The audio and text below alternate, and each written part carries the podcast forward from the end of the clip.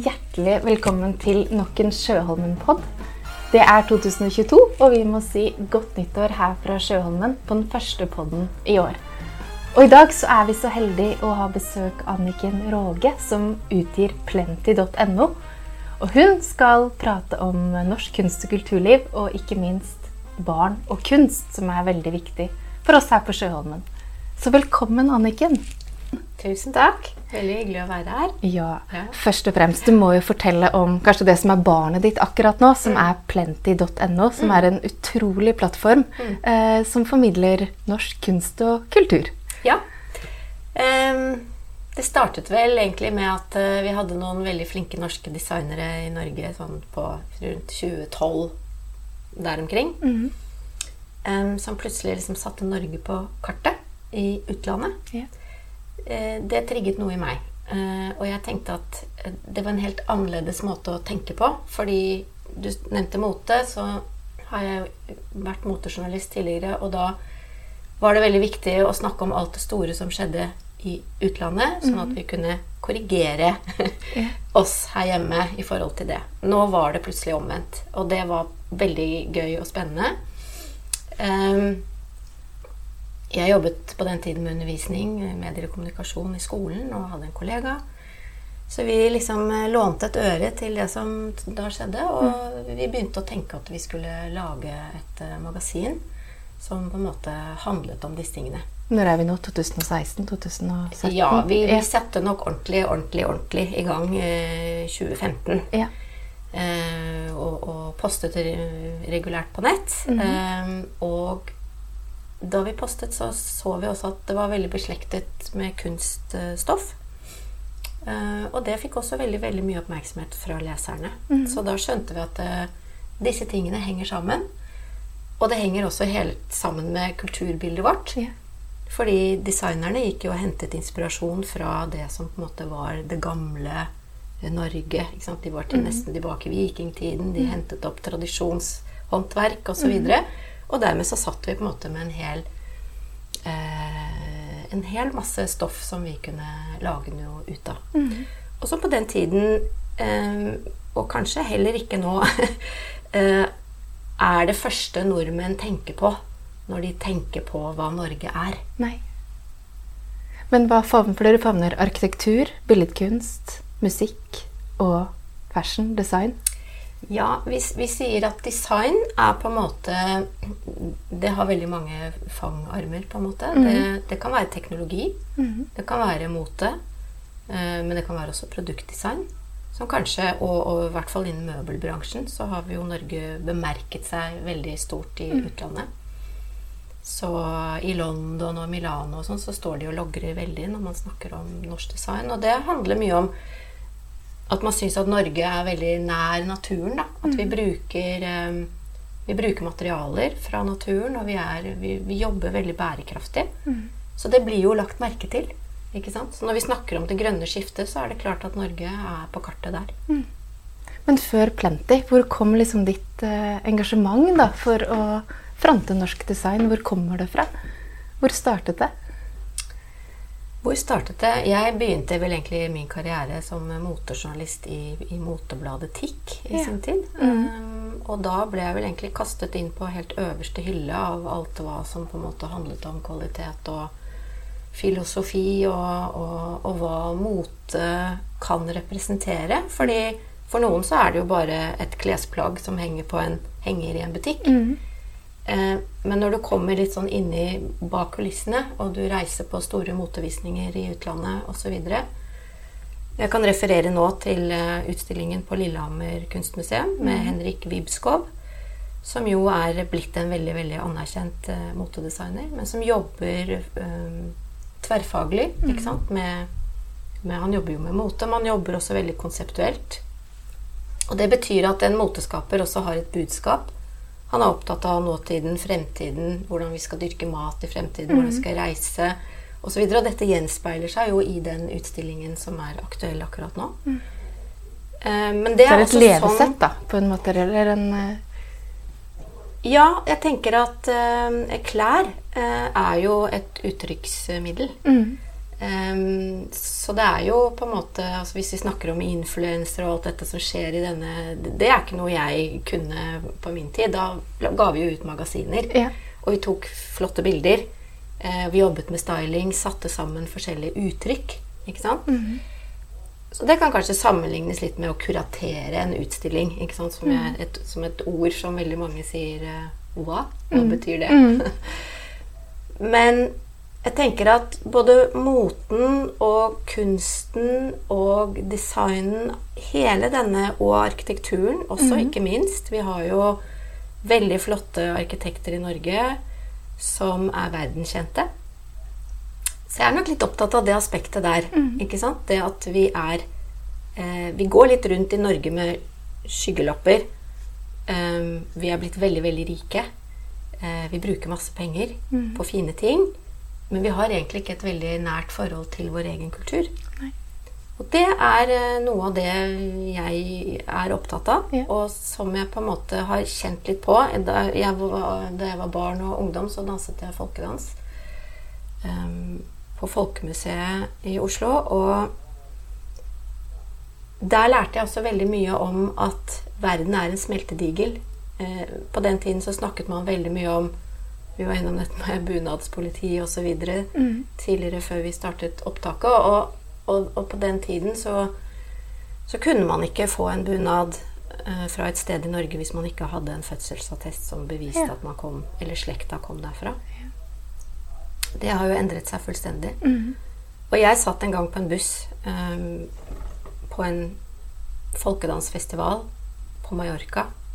Og det kom på en eh, gruppe fra Bolivia. Mm. Eh, Og de med panfløyter og vi med hardingfele. Og musikerne fant hverandre. Ting var egentlig ikke så ulikt. Nei, og så Nei. sitter du og så ser du på Du har liksom border og mønstre, og du sitter og ser på hva den andre Mm. har på seg. Eh, og jeg husker at jeg ofte hadde stusset over disse veldig sterke fargene på de, på de norske bunadene. For jeg tenkte de hører jo Det er jo ingen steder rundt oss vi har disse veldig sterke fargene. Men, men eh, jeg, så det, jeg fant dem igjen i deres nasjonale kostymer, ikke sant. Um, og da skjønte jeg jo også at ok, uh, vi går langt, langt, langt, langt, langt tilbake. Mm. Uh, og det som er interessant, er jo også å finne ut av liksom hva vikingene gjorde. Mm. Så det syns jeg er et veldig spennende og underliggende tema. Ja. Noe vi ikke kan så veldig mye om. Uh, og så har vi selvfølgelig hatt en lang, lang periode under Danmark og Sverige og vært kasteball. Norge har jo ikke vært noen ting. Nei. Har vært en steinrøys hvor man ikke har skapt særlig mye kultur. Vi har ikke hatt noe adel i Norge. Vi hadde ikke noe kunstskole. Så um, Men vi, i dag, så, så på, på, på bakgrunn av dette her, så skaper vi jo egentlig spennende Vi er veldig um, Vi er jo veldig interessert i moderne kunst i Norge.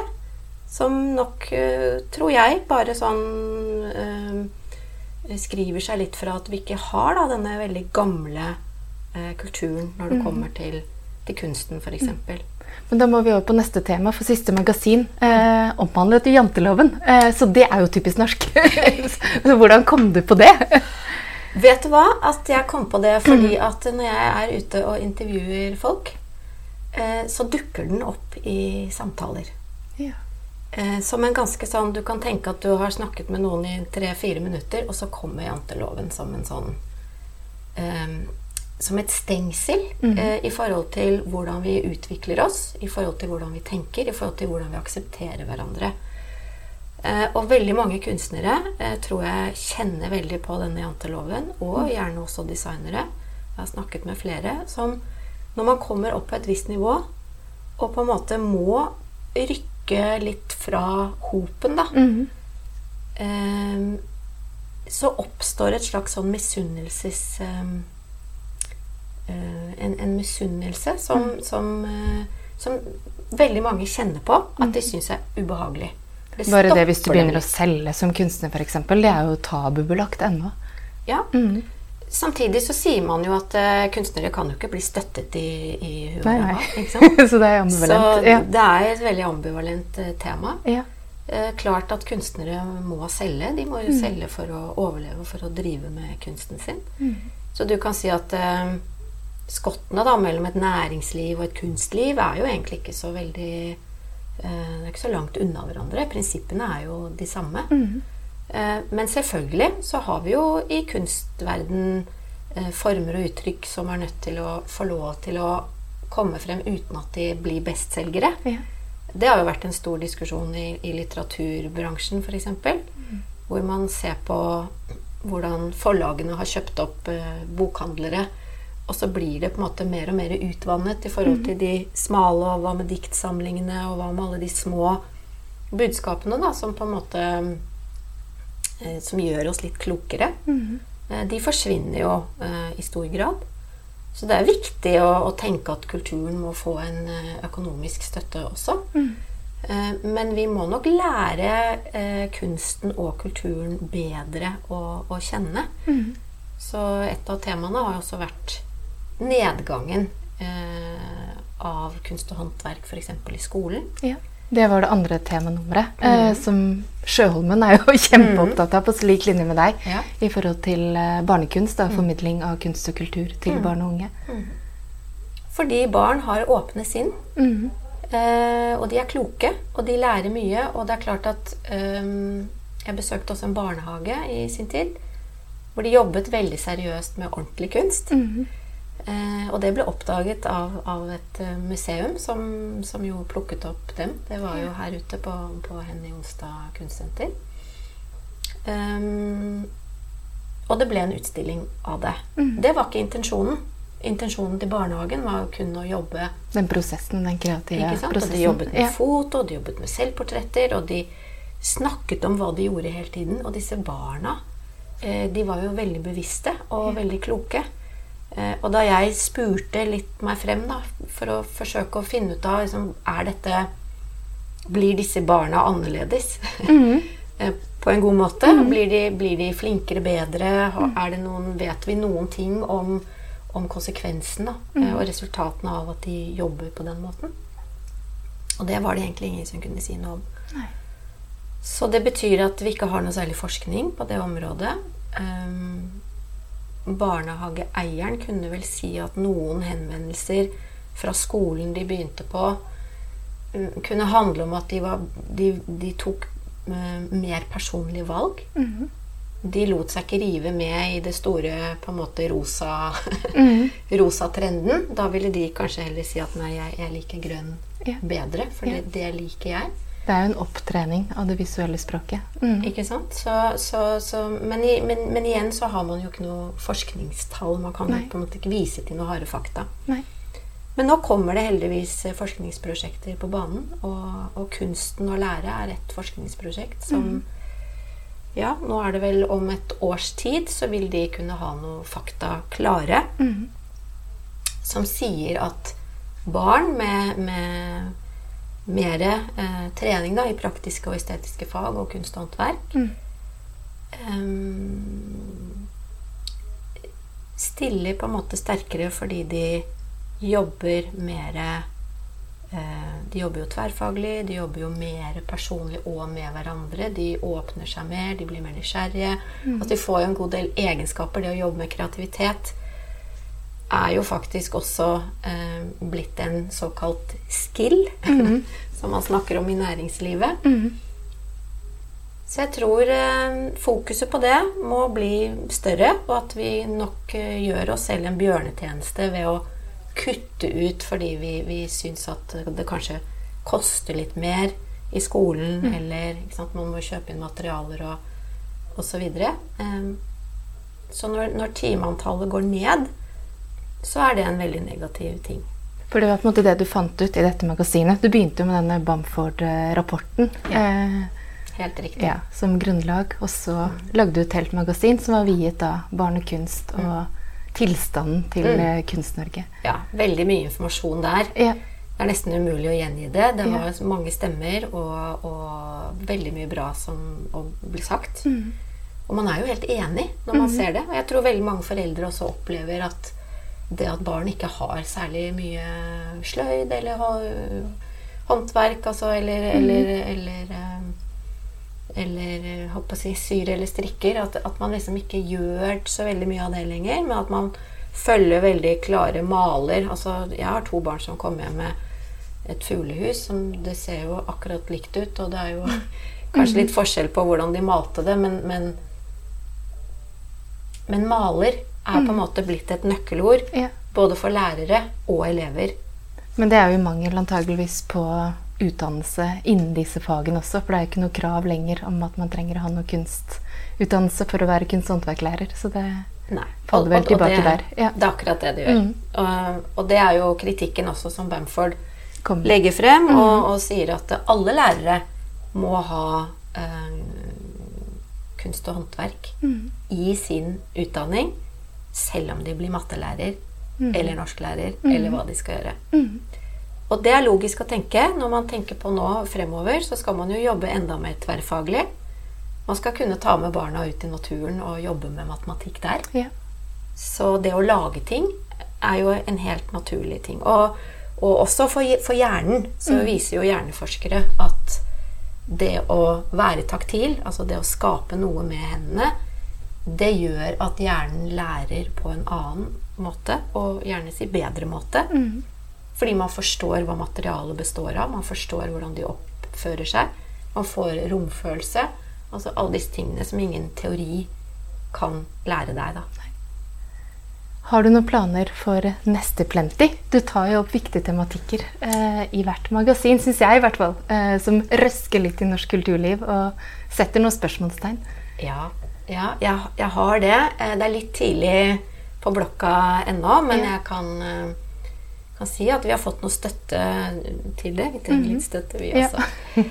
Eh, og den støtten handler jo egentlig mest om at vi blir trodd på. Ja. Og at det, de temaene vi snakker om, og det vi tar opp, og måten vi kanskje gjør det på, Mm. eh, er interessant og spennende for, for flere. Mhm. Eh, Så ja, det, det ligger rett i, i løypa. Eh, Men eh, jeg tror jeg skal holde kortene litt i brystet ennå, for vi kommer til å slippe det med et lite pang. Ja.